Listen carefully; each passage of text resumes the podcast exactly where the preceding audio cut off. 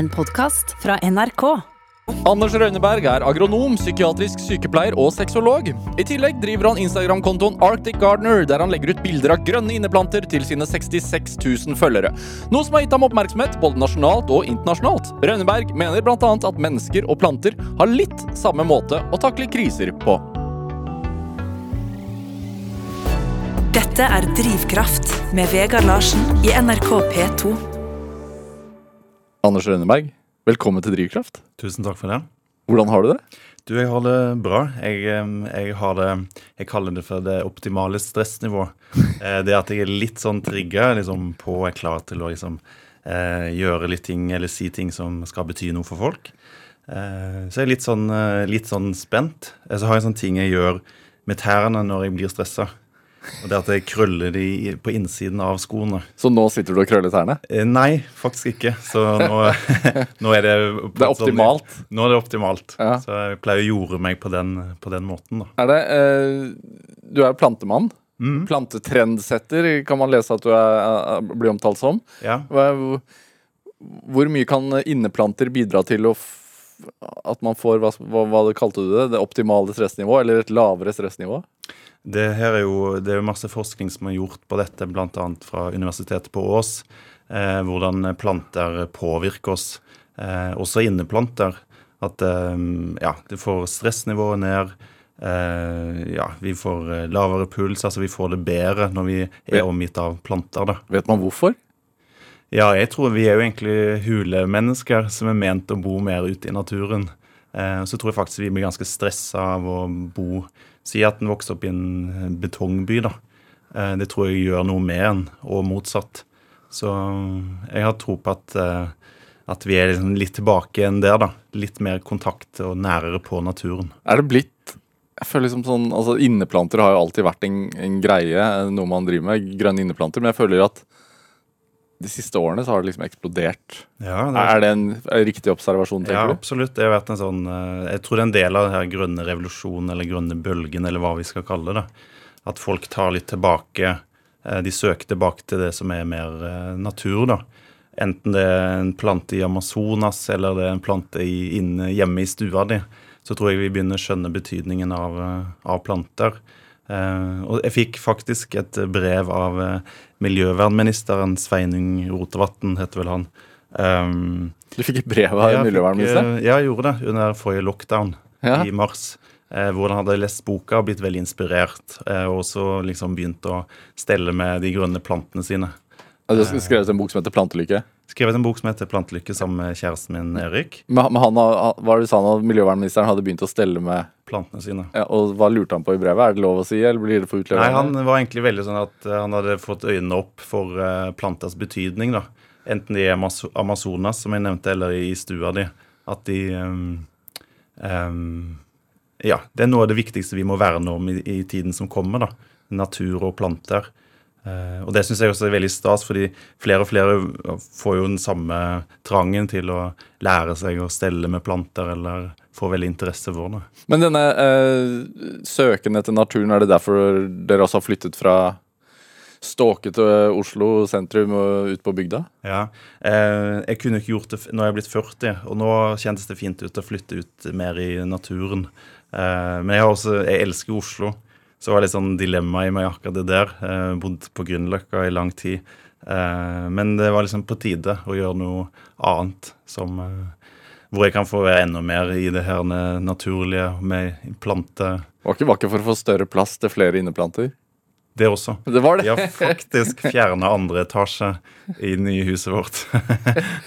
det er litt ekstremt. Jeg tror ikke det er for alle, men da kan vi ha noen sånn skikkelig svære planter som er mange mange meter høye. da. Ja, for jeg så på Instagram-kontoen din at du skrev eh, interiørtips eh, for å få plass til store inneplanter. Fjern, eh, fjern andre etasje. Ja. Eh, ja. Nei, det, det, det gjorde vi.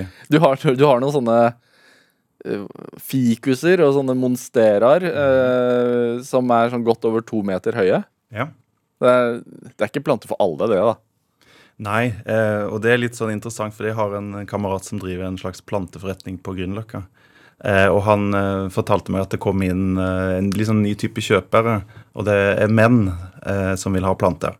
Men de vil ikke ha vanlige planter, de vil ha de der svære plantene. så jeg sa det til en venninne, da. Hun mente at det var sånn uh, Istedenfor en stor bil, så skal du ha en stor plante. Som penisforlenger, kalte hun det. ja, er, tenker du at det er det? Litt? Nei, men jeg, jeg se, hva, se hva jeg klarer å holde i live? Ja, jeg tror det handler om det også. Det er jo det å holde på med planter er jo en slags mestring. At du får noe til å spire og gro og leve. Det, det, jeg liker også at plantene blir svære. Det er jo som ofte målet. Ja. Hvor, hvor, mange planter har dere hjemme? Nei, Kanskje sånn 200 rundt det. På, unnskyld at jeg pirker, eller sånn, men hvor mange kvadrat? Det, vet du hva, det, På sånn kvadratting så er jeg helt håpløs. Det kan jeg faktisk ikke svare på. Hva er det som er et vanlig hus, da? Ja. Vet du det? Altså, Hvor mange kvadrat er et vanlig sånn standardhus? Nei, kanskje litt sånn under 200, kanskje? da? Eller? Ja, rundt der. Og der har du 200 inneplanter? Ja. Én per kvadrat, kanskje. da. Én per kvadrat, ja. ja. Hva Hvor Altså, hvor mye tid bruker du da på å stelle de? Eh, ja, det er et godt spørsmål. Eh, når jeg bodde på Grünerløkka, så var det en liten leilighet, det var lite lys, og da trengte de vann veldig sjelden. Men nå må jeg liksom gå med en bøtte ofte og bare hive på, for det vi har flytta til, er det svære vinduer og veldig sånn solrikt. Så nå har det plutselig blitt litt mer jobb, da. Eh, enn det var før. Men altså, de, jeg sier at jeg bruker jo mindre tid på plantene enn jeg gjør på sosiale medier i løpet av en dag. altså Um, så det er noe med det også. At uh, i bunn og grunn så bruker jeg ikke så mye tid på det. Ja. Men, men ja. hvis man går inn i et drivhus, så er det jo veldig Er det sånn drivhusfuktig hjemme hos dere? Nei, det er ikke det. Det kunne gjerne vært det. Det er jo kanskje en slags drøm om å leve i en botanisk hage. Men uh, det er ikke noe fuktig hjemme hos oss, nei. nei hva, altså, Denne planteinteressen uh, du, du, driver jo en, en Instagram-konto, Arctic Gardener, som, mm -hmm. som uh, opparbeidet seg 66 000 følgere på Instagram. Mm. Som er mange. I verdenssammenheng så er det sånn plantesammenheng så er det ikke så mange. Det er jo folk med plante-Instagram-kontoer som har sånn en million følgere. Hvorfor er folk så, hvorfor er folk så opptatt av det, tror du?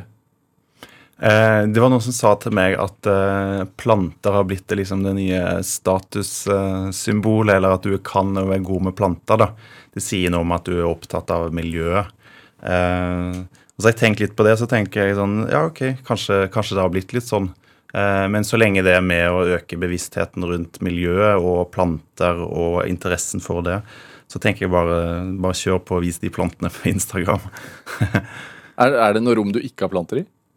Eh, jeg har et lite bad, sånn gammelt bad, som ikke har noe lys.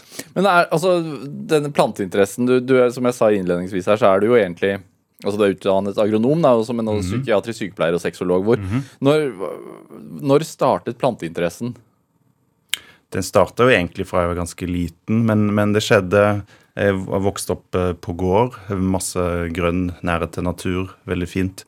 Flytta til Oslo, og så opplevde jeg jo etter hvert at jeg fylte de stedene jeg bodde, med mer og mer planter. Hva, hva, hva slags planter? Nei, Det var all slags vanlige type husplanter. Litt mindre enn de jeg har nå. Eh, og så var jeg i et sånn eh, relasjonsbrudd. Eh, og etter det så bare tok det helt av. Så jeg, jeg, så det ikke da, men jeg ser det kanskje nå også, at det var min måte å håndtere ting på, kanskje. da, Holde på med mye med planter. Kunne det vært en annen hobby, eller var det, var det naturlig at det ble planter? Det var egentlig naturlig. Og det var jo det jeg kom mye fra, da. Um, og så fikk jeg liksom tatt opp igjen den der eh, agronom-bondedelen i meg. Uh, som handler om å få ting til å spire og gro, da. Ja. Selv om jeg bodde i byen. Blir det som et slags Siden det er, altså, det er jo levende uh, gjenstander, dette mm. her, holdt jeg på å si. Uh, blir det som å ha et dyr, på en måte? Ja, det er jo levende Eller, eller en kjæreste, ja. da, som du byttet ut med. ja, nei, jeg vil ikke dra det så langt. Uh, det er forskjell på, på planter og, og mennesker. det er det. Men det er jo, det er jo noe levende. og det er jo også det som gjør det spennende, syns jeg. da. Det å liksom klare å holde liv i noe og få det til å spire og gro og, og vokse. Mm. Så, men uh, noen har liksom tulla med at det er sånn substitutt. Jeg har jo ikke egne barn. Uh, men jeg, jeg, vil ikke dra det så langt. Hvilke planter Hvis man uh, tenker at man skal synes at inneplanter er, flott, men man har ikke så peiling på det. Hvilke bør man begynne med? Da, da har jeg sånn eh, eh, grunnregel at du skal velge blader som har en mørk grønn farve, og gjerne sånn tykkelse på bladene. Eh, og gjerne litt sånn robuste blader som er vanskelig nesten å rive i to. Eh, så jo mer robust den er, jo, jo mer klarer den av de norske forholdene, da. Har du navn, eksempel med navn? F.eks.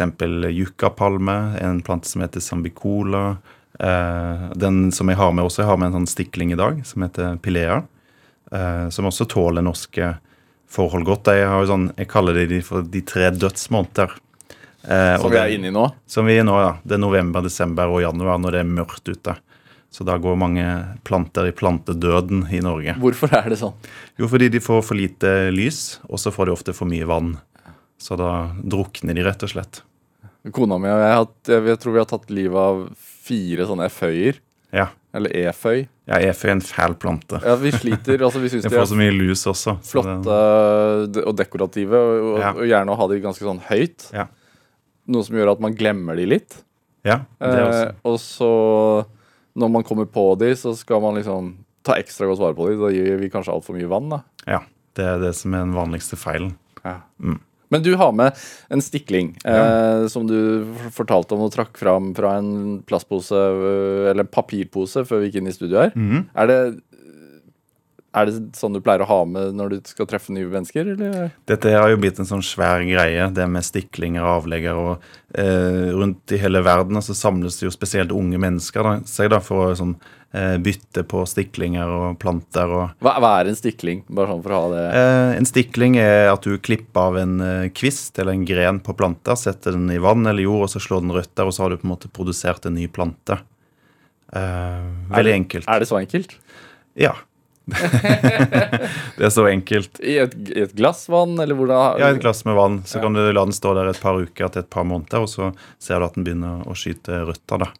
Um, og jeg, jeg syns jo det er noe av det beste gaven jeg får, er jo en egenprodusert stiklingplante, fordi det ligger mye ja, tid og omtanke og kjærlighet i en stikling, syns jeg. da. Ja, fordi da har man kuttet den, hatt den i et glass vann. Ja, Du har liksom pleid den. Det er jo, ja, Du gir på en måte noe levende videre. Det, det syns jeg er veldig fint. Ja. Og da gir man det jo også med et visst ansvar, gjør man ikke det? da? Sånn, Ja, og det er jo det som har blitt litt sånn eh, komisk, fordi etter hvert som jeg har blitt kjent som eh, plantemann, eh, så er det jo nesten sånn at folk ikke vil slippe meg inn i hjemmene deres fordi Fordi eh, de er så redd for at jeg skal dømme de for plantene. Ja. Så det er jo litt, blitt litt komisk. Men det er jo ikke derfor jeg driver med planter. Det er jo mest opptatt av at folk skal bli inspirert og klare å håndtere de. Eller få de til å spire og gro, da. Men er det sånn? altså Hvis du går, nytt, går inn i et nytt hjem, så kan du altså vis meg plantene dine, og jeg kan si deg hvem du er? er det? Nei, det er det folk tror, da. At, eh, at jeg driver og shamer de, eller, får de til, eller dømmer de på vegne av plantene, men det gjør jeg absolutt ikke. Men hva mister man da hvis man eh, har et hjem helt uten planter, tenker du?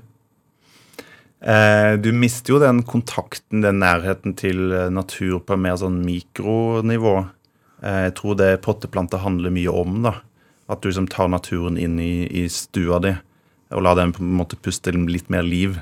Um, så du mister egentlig, egentlig det. Ja. Og vi er jo, som nordmenn, så er vi jo sånn 80-90% av tiden vår innendørs. Uh, og de kaller det jo for naturmangel. Uh, altså uh, det som skjer med oss når vi ikke har nok natur rundt oss. da. Og det er jo ikke noe bra for den psykiske eller fysiske helsen vår. Så, og som psykiatrisk sykepleier så har du faktisk dekning for å si det der. Ja, og det er ikke, det, dette er forskning. Så I England så driver man jo med det man kaller for grønn resept. At uh, istedenfor uh, sånn standard depresjonsbehandling, kanskje med medisinering, så skal man ut og holde på i hagen og ha veldig god effekt av det. Og i, i Japan så sender man jo mengder av uh, eldre japanske menn ut i skogen uh, for de skal skogbade. Uh, og det Skogbade? Ja. Hva er det for noe? Nei, det er at de skal eh, kanskje ut fra Tokyo, da, og ut i skogen. Og at det skal ha en sånn god, positiv effekt på, på den psykiske helsen deres. Tror du det er ekstra viktig nå, altså under eh, korona, hvor man er mye mer hjemme enn en tidligere, og kanskje ikke treffer så mange mennesker, at man gjør det til en liksom oase? Ja, det tror jeg. Jeg hørte um, det var noen som kalte det for nesting. Altså under uh, covid-tiden nå, da, at vi som søker hjem og uh, det trygge, nære. Uh, også tror jeg det planter en del av det, da. Er det, eh, altså, Tilbake til den stiklingen du har med. Hva, hva slags plante var det, sa du? Dette er en eh, pilea. eh, Og det er en sånn kinesisk eh, plante, men den, som en potteplante så har den en norsk historie. Fordi det var en misjonær som jobba i Kina. Altså, en Pilea, eh, det er jo en altså, Det er en slags sukkulent. Det er sånne ganske små, runde, nesten helt runde blader Ja, eh, på en stilk som ser ut som et rør. stemmer. Eh, og så kan den bli ganske stor, sant? Den kan bli stor, og så får han ofte masse sånn pilea-babyer, eller altså sånn eh, sideskudd, da. Ja. som en kan ta av. Og så kalles den iblant også for uh, misjonærplanten. Og veldig vanlig i norske hjem. Veldig vanlig. Eller pengeplanten òg, fordi den har den rund som en sånn. Så, så Agnar, da, som den misjonæren het, han måtte flykte fra Kina, sikkert pga. noe kommunisme eller sånn, eh, og tok med seg da på flukten pileer fra det kinesiske høylandet. Eh, tok det med hjem, og det viste seg at de trivdes veldig godt i stua. Og så spredte det seg ut til venner, eh, videre ut i Norge, og så resten ut i verden. Så det, selv om den er kinesisk høylandsplante, så har den en norsk potteplantehistorie, da. Og eh, er, jeg har hatt, uh, hatt noen sånne, men jeg har også klart å ta livet av de. Ja, da har du nok gitt de for mye vann. Ja, er det ofte et problem med inneplanter? Ja, de drukner. Eh, og når det blir for mye fuktighet, så får du noe som heter roteråte. Så begynner en sånn forråtnelsesprosess eh, eh, i jorda, da, i røttene. Så da, da blir de gule, og så dvasker, og så dør de. Kan man redde de på noe vis da? Hvis man, Det er vanskelig, men du må i hvert fall la de tørke helt opp og sette de veldig lyst. For lys er jo mat eh, for, eh, for plantene. Så uten lys så, så dør de. ja, så nå om vinteren så er det lite vann da, som gjelder. Lite vann. Dette er Drivkraft med Vegard Larsen i NRK P2. Og i dag er eh, sexolog og plantetrendsetter, vil jeg si. Anders Rønneberg her hos meg i Drivkraft på P2. Plan det er greit, det? Ja. Ja, fint. Du, altså, hvorfor har vi så mange planter eh, innendørs her i landet som uh, man har importert fra langt vekk i stand fra? Altså, det er jo masse planter fra, fra uh, helt andre kontinent. Absolutt. Eh, og jeg syns jo det er fantastisk, fordi verden har jo blitt global, og det betyr også at jeg kan få tak i planter som eh, kommer fra Australia eller eh, Amazonas i Brasil. Um, så det er masse tropiske planter eh, i Norge, da. Kan du bruke lang tid på å lete etter en spesiell plante? Faktisk er jeg opptatt av at folk skal De skal ikke ha de mest fancy plantene, fordi det er ofte vanskelig å lykkes med. Men å velge mer de her tradisjonelle eh, besteforeldreplantene, da, som vi vet klarer seg godt i, under norske forhold. Ja. Så Og hvilke er det, da, sånn kort oppsummert? eksempel denne som heter Pilea, eh, Sambicola, som jeg snakka om i stad, Jukka, fredslilje Eh, Ja. En hel del. Ja.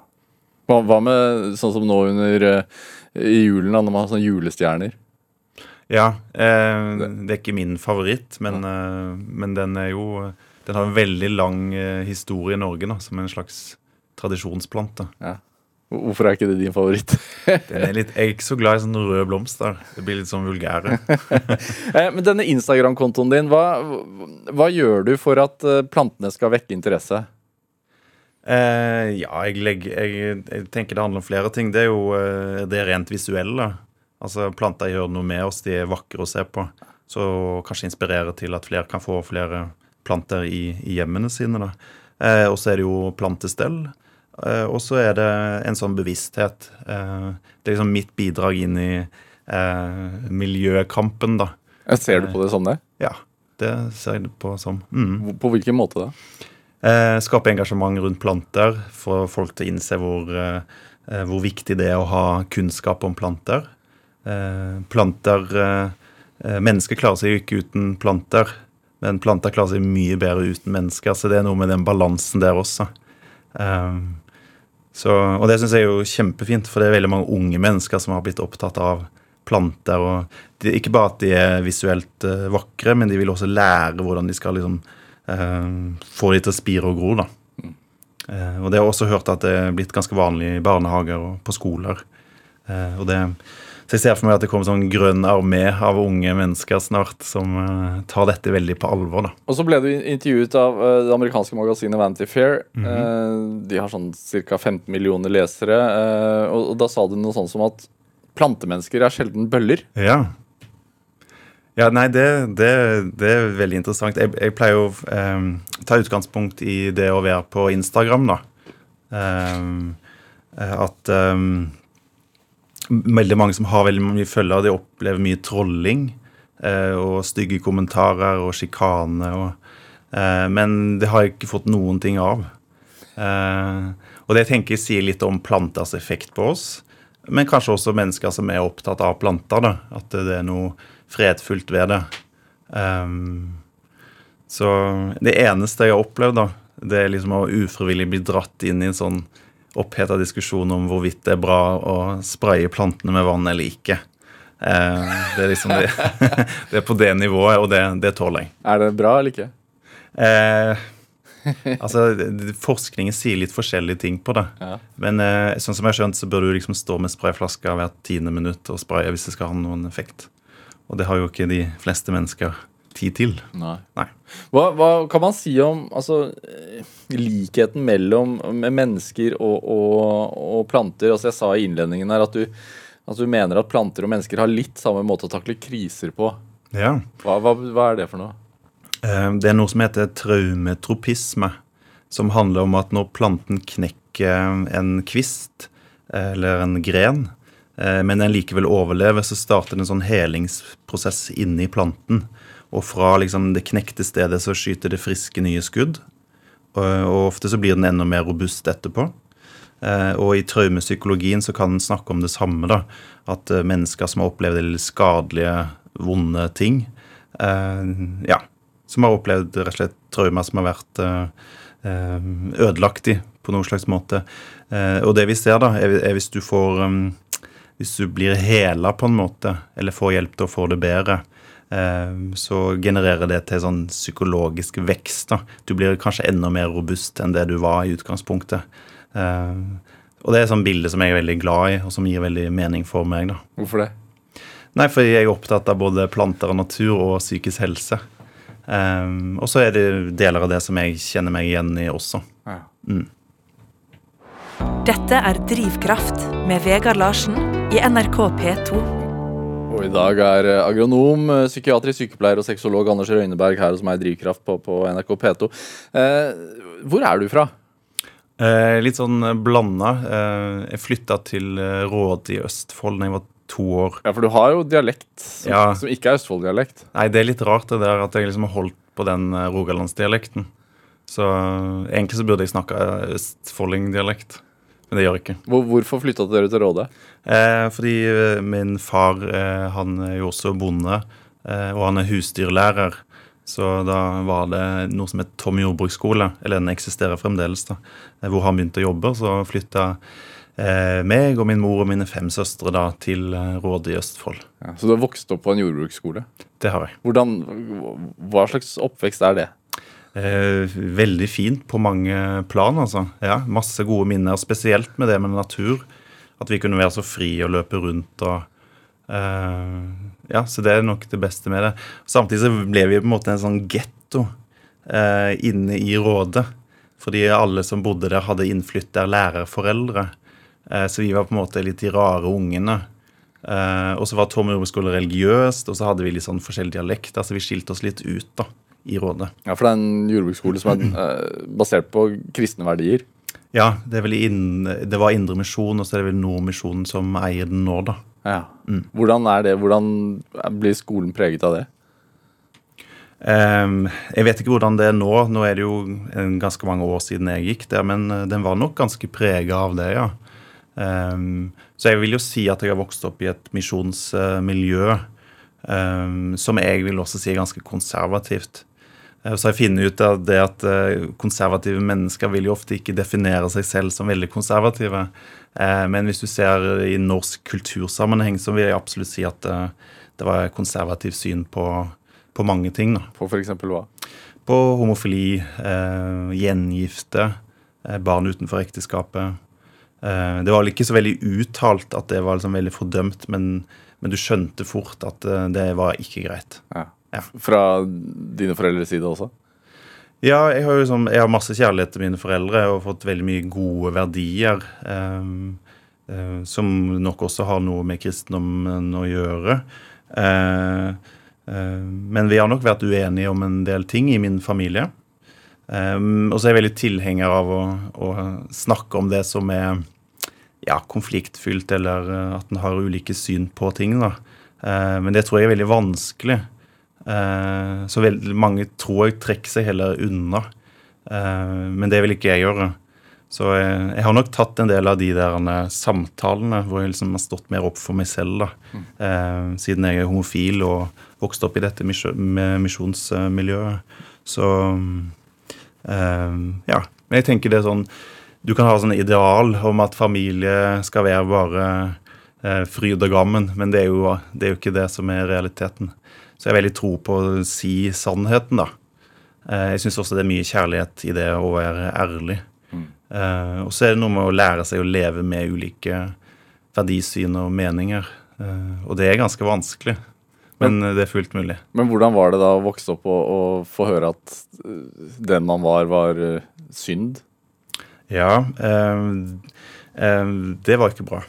Det var skadelig. Og jeg tenker også Det ble jo fryktelig mye skam. Eh, men det jeg tenker litt, skam kan ofte være en sånn misforstått ting. Um, eller at den har flere funksjoner. Den er jo først og fremst skadelig, for vi går jo løs på oss selv, og vi er feil eller ikke bra nok. Ja, for det er det man tenker. Ja, jeg tenker det er i skammens eh, natur, da. Hvor tidlig kom skammen? Den tror jeg kom sånn eh, 13-14 år når jeg skjønte at jeg var homofil. da. Eh, Men, men det som skammen også har med seg, som vi fort glemmer, da, er at vi blir stille. Altså, I skammens natur så ligger det at vi skjuler det vi skammer oss for. Um, og det tror jeg egentlig var til hjelp for meg. At jeg liksom um, skjulte det at jeg var homofil. da. For hvis jeg hadde kommet ut med det, så tror jeg ikke det nødvendigvis hadde gått så bra i det miljøet.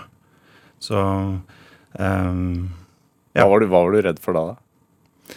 Eh, Som barn så tror jeg ikke det var noe sånn bevissthet rundt at det kunne liksom være utrygt. Men jeg skjønte at dette var ikke noe jeg skulle være åpen om. Så jeg var faktisk 24 år før jeg kom ut av skapet.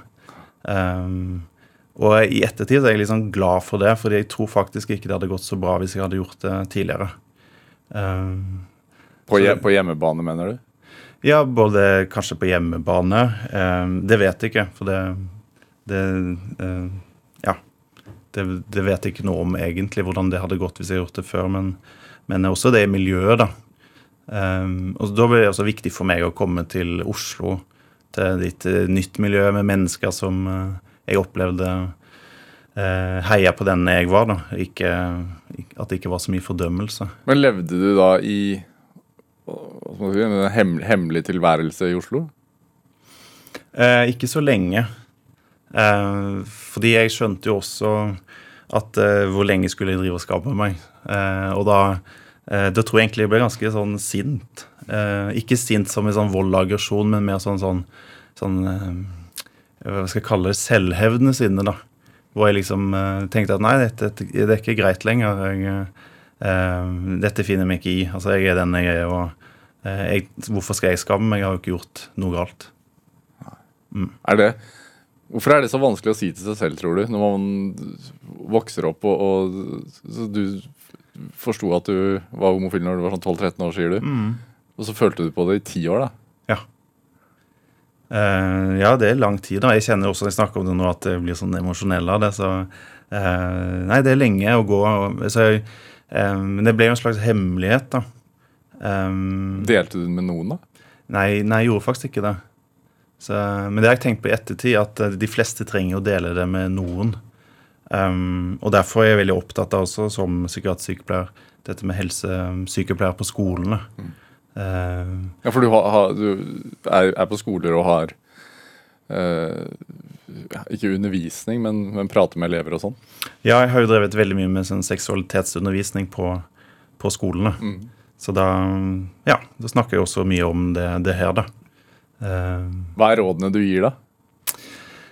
ja, det er et godt spørsmål, fordi ofte så er jo rådet bare fortell det og liksom komme ut og være fri. Men Ja, det er så lett, liksom. Ja, ja. Eh, Men jeg tenker nei.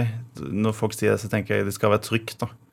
Eh, For som barn så er du liksom litt sjanseløs hvis du ikke blir tatt imot. Så finn deg heller den ene som du stoler på, eller f.eks. en helsesykepleier eller, eller andre. da. Mm. Eh, Og så kan du heller komme ut når du er blitt voksen eller eh, klarer å, stå i det, da. De, de, de færreste vokser jo opp i et sånn kristenkonservativt eh, miljø. Eh, og sånn sett så det, var det kanskje det mest uheldige stedet å vokse opp som homofil. Da. Ja, det er jo vanskelig utgangspunkt, det er det. Ja, hva, Ja. hva, hva, du, altså, hva skjedde når du endelig kom ut av skapet?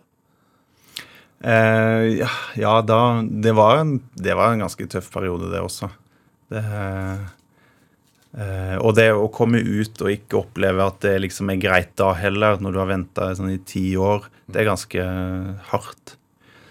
Eh, men jeg, jeg tenker også Du trenger ikke være eh, homofil i et religiøst eh, miljø for å liksom synes det er vanskelig, da. Eh, jeg tror egentlig alle kan alle kan kjenne seg igjen i en slags annerledeshet eller en utenforskap. Altså vokst opp med skilte foreldre eller rus i familien eller hva det skulle være. da. Um, men jeg tror jo mer du bryter, da, eh, jo mer annerledes du er i det miljøet du er, jo vanskeligere blir det ofte. Så Ja, nei, det var, det var vanskelig. Uh, men uh, jeg har jo eh, ikke lagt meg ned, men jeg på en måte kjempa meg opp gjennom det. da. Og i dag så er jeg også veldig opptatt av å bruke de erfaringene som jeg har. um, at det skal bety noe uh, for meg selv og andre. da. Det blir mer sånn en kraft i det. Um, Du er litt sånn som de, den planten du beskrev. ja, At uh, ja, det er et fint bilde. ja, Mm. blitt kuttet litt, men uh, vokst deg sterkere. Ja, ja, det er jo egentlig det. Så ja, det er et fint bilde. Uh, hvordan er forholdet til faren din i dag, eller familien i dag? Nå har jeg veldig godt uh, forhold til mine foreldre. Jeg har jo dedikert uh, boka mi til dem, så jeg har masse kjærlighet til dem. Så uh, de har tatt imot meg på en veldig god måte nå i godt voksen alder, da. Så det, det Ja. Det er jeg veldig glad for. Og så veit jeg at du er norgesmester, eller junior-norgesmester i ku. ja. Ja. Det er jo noe med å være sånn gay unge, vokse opp på landsbygda og kanskje drømme om litt mer glamour. Så jeg ble sånn skikkelig god på Altså, eksteriørbedømming av ku, det handler om å se om kua liksom eh, har fine jur eller eh, fin munn. Ja, for du er junior-norgesmester i eksteriør. Bedømming, Bedømming av ku. Ja. Eh, Så det hadde jeg skikkelig talent for. da Så jeg kunne se Se på hvilke kuer som så bra ut og ikke. Ja. Så Hvordan blir man junior-norgesmester i dette? Du må jo ha et øye for hva som er visuelt vakkert. Eh, og det, dette her er også viktig i forhold til eh, avl. da Du skal liksom avle på de beste dyrene. Ja. Um, ja. Så det er en sånn gøy sånn partyhistorie jeg drar fram på fest. Kort oppsummert, hva hva er en vakker ku? En vakker ku er en som har sånn symmetriske ben. Eh, jur som er litt sånn eh, ikke for eh, heng hengende ned. Og spener som er pent plassert. Eh, en fin hale. Eh, ja, og så liksom med munnen også, at den er sånn som den skal. da. Ja. Får du bruk for dette her noen gang? Ja, nå, jeg har jo flytta til eh, småbruk på Hadeland, Ja. så nå håper jeg å få meg noen beitedyr snart på eiendommen. Bare vakre kuer. Bare vakre. Eh, Anders Rønneberg, eh, du har med litt musikk. Ja. Eh, du har med en norsk låt. Eh, Emilie Nicolas sin låt 'Stereo'. Hvorfor det? Eh, Jeg har aldri vært så veldig opptatt av eh, tekst, men mer følelsen jeg får av musikk. Eh, og den sangen her tror jeg jeg har hørt på iallfall tusen ganger. Eh, så jeg får en skikkelig god følelse av den. og det- Er du en sånn når du har funnet en låt, at du hører om Ja, den? ja. ja. Helt sånn avhengig. Eh, og, men den har noen veldig fine referanser til følelser og noen metaforer på natur som jeg syns er veldig vakre. Og sånn handler den også om, eh, sånn som jeg leser den, og det å stå sammen, at det er en kraft i det. Ja. La oss høre. Mm.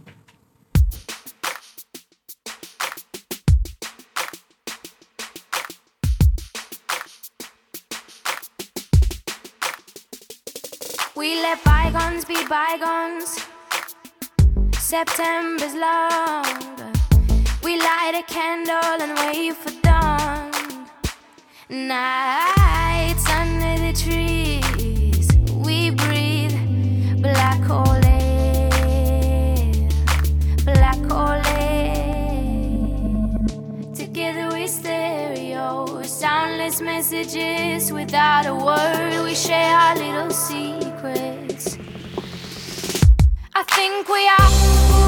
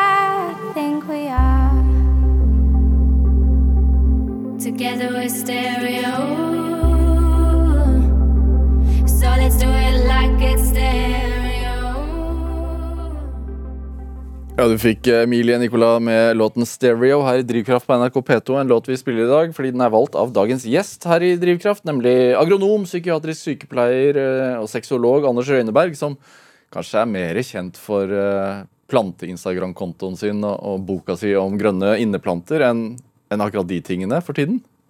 Ja. Ja, vil si det.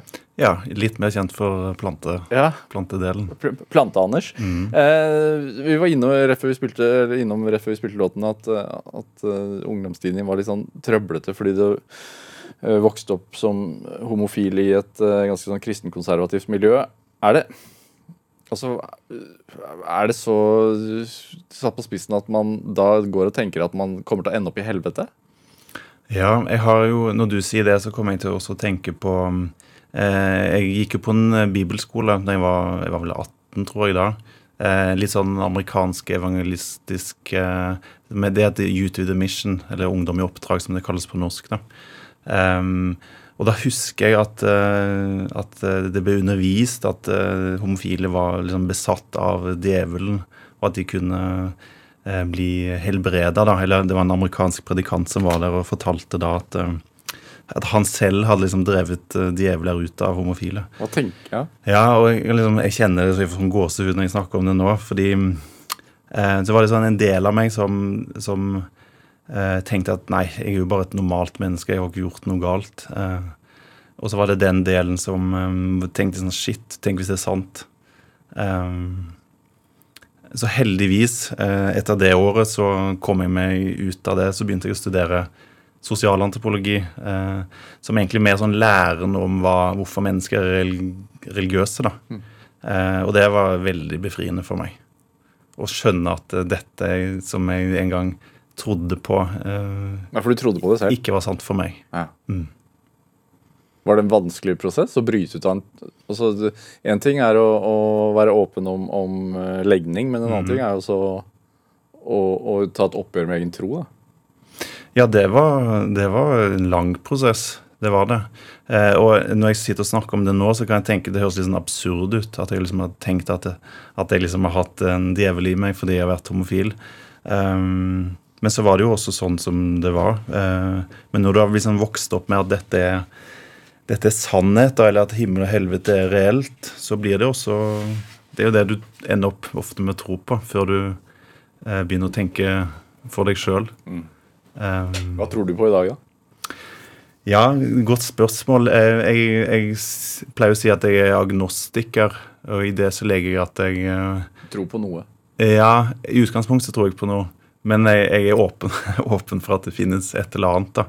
Eh, og det handler også om at når jeg møter mennesker som er så overbevist om at de har sannhet, så får jeg litt sånn eh, Eller blir sånn allergisk mot det, da. Jeg bare kjenner at her er det, dette er ikke bra. Ehm, så utgangspunktet så har jeg ikke noe tro i dag, men eh, jeg eier ikke noe sannhet. Jeg har ikke noe fasit. Nei. Er det eh, hvor, hvor mye har den eh, altså, bakgrunnen din og, og hva skal man si, stigma pga. seksuell legning å si for eh, yrkesvalget ditt? Masse. Det tror jeg eh, det er, det hele drivkraften i det jeg holder på med. Iallfall som terapeut. da. Jeg har jo jobba veldig mye f.eks. med unge transpersoner. Eh, Det er jo unge mennesker i Norge som kanskje bryter og kjenner på mest annerledeshet eller utenforskap. da. Eh, Så det å kunne gjenkjenne det og ha kjent på den eh, utenforskapen eller annerledesheten, uh, og bruke det i møte med pasienter, det, da, da får jeg på en måte brukt, brukt mine erfaringer til noe som er positivt. da, Ja. Sunt. Hva, hva, for noe, hva, hva slags problemer er det folk ofte kommer med? da?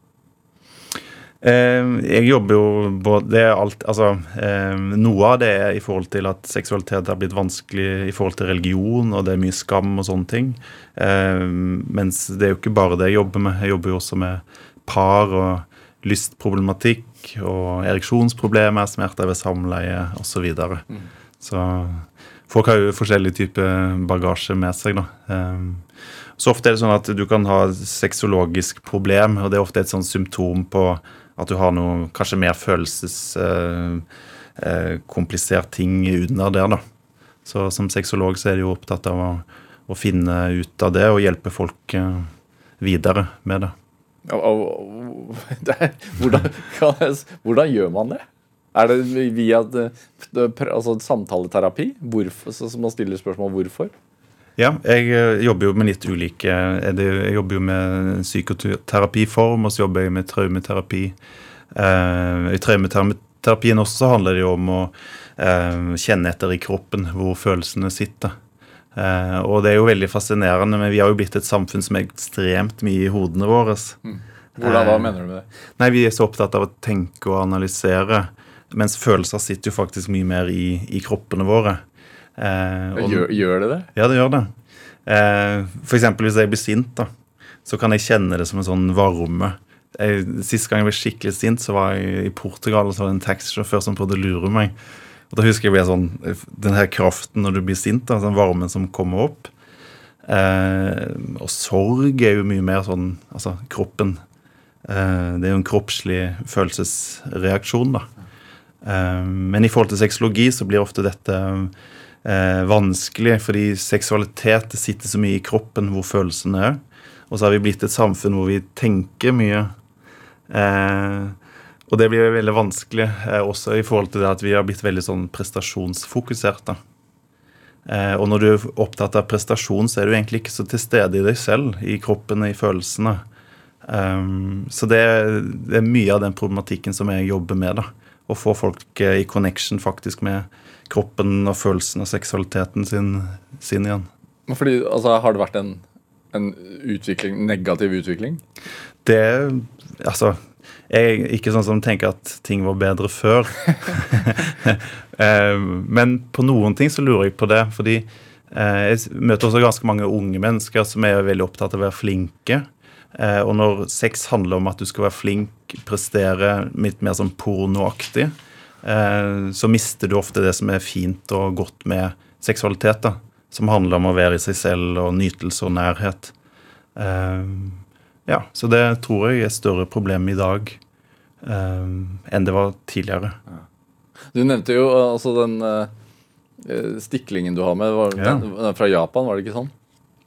Den er fra Kina. Nei, Kina. Unnskyld, unnskyld, unnskyld. Uh, men, men uansett, jeg tenkte, tenkte på, på Samme kontinent. Nei, ja, samme kontinent. Det var forferdelig uh, feil. Men, men i, i forhold til der har jo utviklingen gått sånn at uh, unge mennesker nesten ikke treffer hverandre.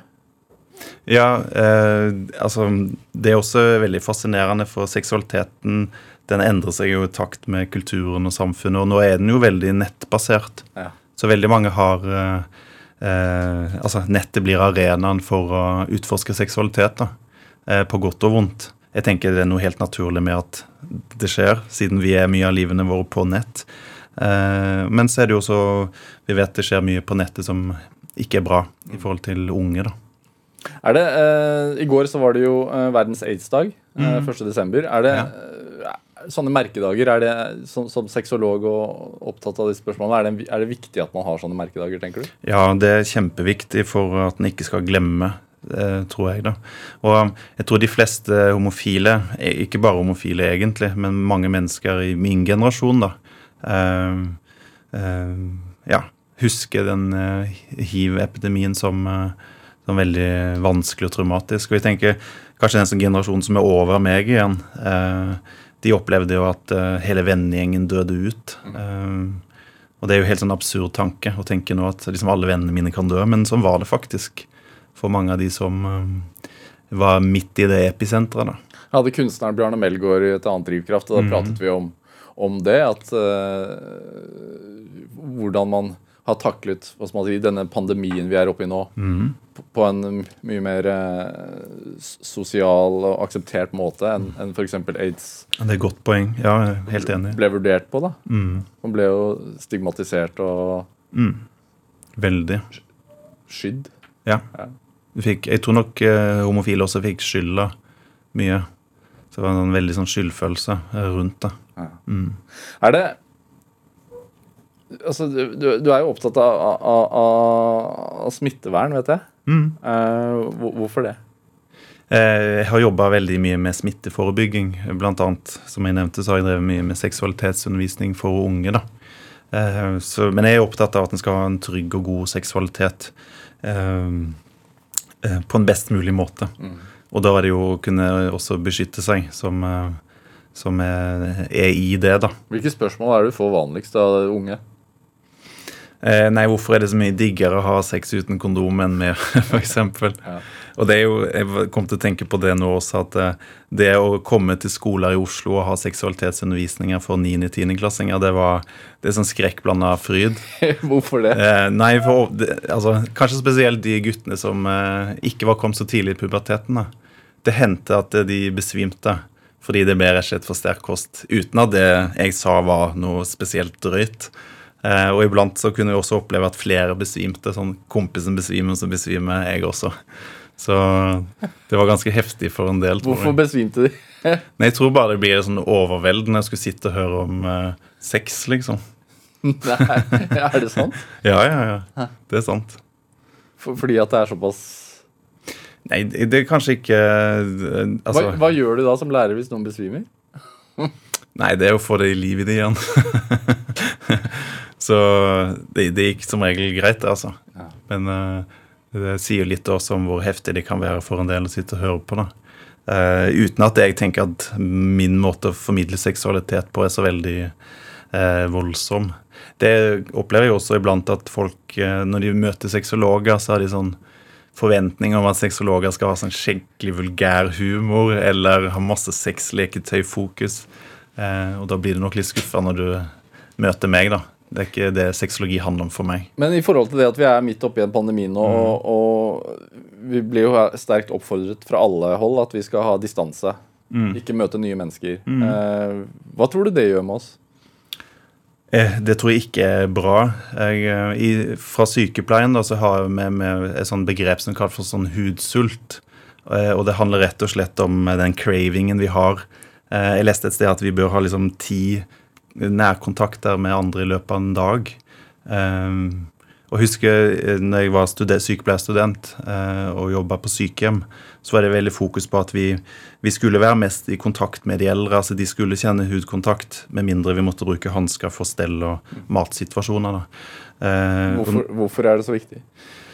Fordi vi er flokkdyr, tror jeg. Vi er helt avhengige av å være i kontakt med andre. Ehm, så, men så tror jeg også at mennesker er veldig tilpasningsdyktige. Jeg tror også vi klarer denne her eh, pandemien, eh, men at det er vanskelig for mange. Det er jo ikke alle som er heldige å ha en partner eller, eh, eller andre som de kan ta på. da. Og hvordan treffer man nye mennesker, eller treffer man en ny partner i, i disse dager? Ja, det er jo ikke aktuelt for meg, så Eh, Nei, jeg håper jo at folk fremdeles møtes, men at de tar eh, forbehold, da. Tenker Vi kan ikke slutte å være mennesker.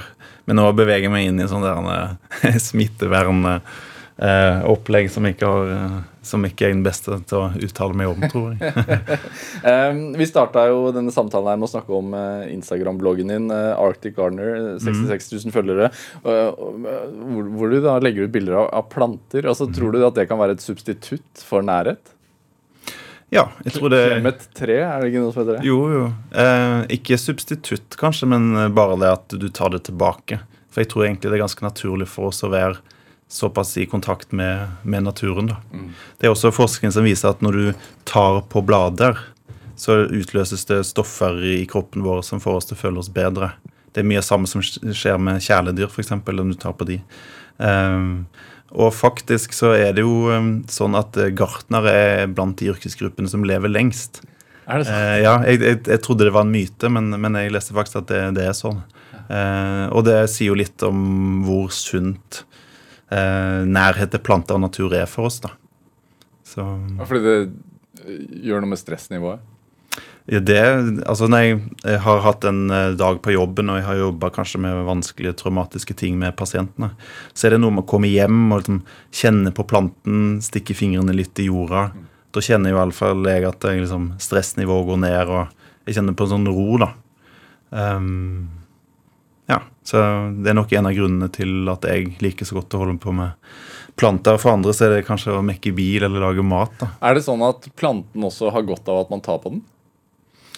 Eh, ja det så, det er nok det er en grense her mellom liv for, for alternativ og ikke. Uh, jeg tror jo ikke de har menneskelige følelser. Det tror jeg absolutt ikke. Men uh, det, det er jo levende vesen, så Hvis de ikke har det bra, så dør de jo. Ja. er- vi er i desember måned. Som, som, som du sa, så er det en av de tre hva, hva kalte du det? Månedene hvor flest inneplanter dør? Det, hva, du hadde et ord for det? Eh, de tre dødsmånedene. De tre dødsmånedene? Ja, ja. det er no november og, og desember januar, da. Ja, men er det også, hvis man ønsker eh, Ønsker at eh, leiligheten eller huset skal se ut som en oase når våren og sommeren kommer, er det nå man bør begynne, eller? Eh, februar er fint. Ja. For da, da, da liksom eh, snur sola, og eh, da sånn våkner plantene til liv. da. Og da begynner de å skyte nye skudd. Så eh, da er det enda bedre forutsetninger for å lykkes. Eh, og da kan du pøse på med vann og næring, og så bare poppe de ut. ja. Så det er da man bør eh, Du kan begynne nå også, men nå er det litt vanskeligere å få det til. da. Hva med alle disse juletrærne vi tar inn? Hva har det å si for innemiljøet for de andre hus, husplantene? Inneplantene? Ja, eh, jeg har ikke juletre inne sjøl. Jeg har ikke hatt det. Hvorfor det? Nei, jeg pynter heller en palme med Jeg syns det er kulere, rett og slett. Så, og så er det jo Det er noe med at det er tradisjon med juletrær, og det er fint, og så er det kanskje ikke så bærekraftig, så jeg tar heller en av de plantene som jeg, jeg har, da, og så pynter jeg heller den. Ja. Mm. Men veit du noe om det? Altså sånn, fordi det sies jo at et juletre har millioner av uh, av midd på seg, eller, eller eh, smådyr. Det vil jeg tro. altså Alt som er masseprodusert, er jo veldig utsatt for skadedyr. da. Ja. Så det er også noe, noe kanskje betenkelig rundt det. Ja. Men eh, akkurat sånn eh, med juletre eh, Ja, det er viktig med tradisjoner også, men det er noe med å være bevisst på hvor bærekraftig det er. da. Ja. Sprer mye glede, da, og lukter godt. Ja. Eh, helt til slutt der, Anders. Har du noen favorittplanter? Eh, ja, jeg har en plante som heter Calathea orbifolia, som er en sånn Beskriv Beskriv hvordan ser den ut.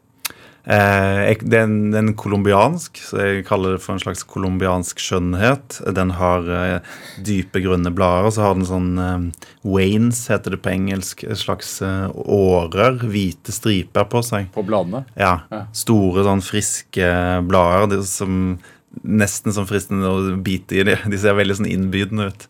Ehm, ja. Jeg, for meg er det litt sånn Det er en statement-plante når du går inn i et rom, og så, så ser du den planta. Hvor, Eh, hvor svær er den? den er ikke blant de største. Så Hvorfor er det favoritten, da? Nei, det er noe med det, det visuelle ved den som jeg syns er litt sånn stunning. Så den gjør noe med meg. Jeg blir glad av den og får lyst til å pleie den. Mm. Hva med frø? Ja, eh, jeg har begynt litt med det òg, og liksom så litt eh, egenproduserte planter. da. Og da er vi over på mer de plantene som er spiselige, urter. Um, og det virker også som folk er blitt opptatt av å kunne liksom dyrke litt egen mat. Um, og det liksom bli selvberga på det er jo sånn umulig prosjekt, men jeg tror det jeg tror det er noe i det å kunne liksom ha lagd litt av den maten du spiser selv. da. Det smaker iallfall ekstra godt, syns jeg. Ja. For de fleste plantene man har i, altså hjemme i pottene, er, er giftige, er det ikke det? Jo, eh, de fleste planter er giftige. Eh, Så noen er mer giftige enn andre. Eh, Men du skal ha ganske mye plante i deg før du blir skikkelig dårlig. Anders Rønneberg, eh, tusen takk for at du kom hit til Drivkraft og gjorde dagen litt grønnere. Takk for meg. Hør eh, flere samtaler i Drivkraft eh, på NRK på nett, eller last oss ned som podkast. Send oss også gjerne ris og ros og tips til mennesker du mener har drivkraft. Send den e-posten til drivkraft, krøllalfa, nrk.no. Følg oss også gjerne på Instagram på NRK-Larsen. Produsent og researcher i dag var eh, Pål Arvid Jørgensen. Jeg heter Vegard Larsen. Vi høres. Du har hørt en podkast fra NRK. Hør flere podkaster og din NRK-kanal i appen NRK Radio.